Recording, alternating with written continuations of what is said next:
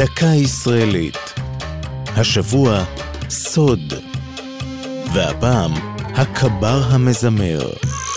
חיילים רבים עוברים אימונים מפרכים שמטרתם אחת, להכינם למצב של נפילה בשבי וניסיונות סחיטה של מידע מודיעיני. לא כולם עומדים תמיד במשימה. קצין המודיעין עמוס לוינברג, שנפל בשבי סוריה במלחמת יום הכיפורים וחשף מידע מודיעין סודי, זכה לכינוי המזלזל הקבר המזמר. באוקטובר 73 נשלח לוינברג, קצין בינה רשתית, ראשי תיבות קבר, לבסיס היחידה בחרמון. יום לאחר פרוץ הקרבות כבש כוח סורי את המקום.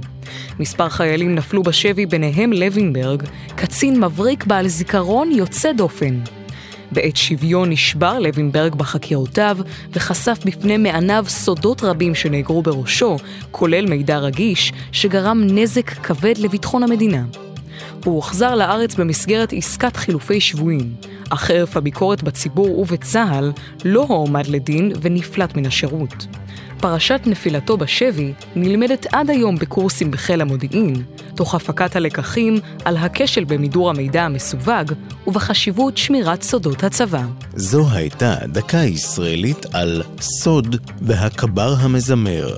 כתבה נועם גולדברג, ייעוץ הדוקטור אפרים לפיד, ייעוץ לשוני הדוקטור אבשלום קור.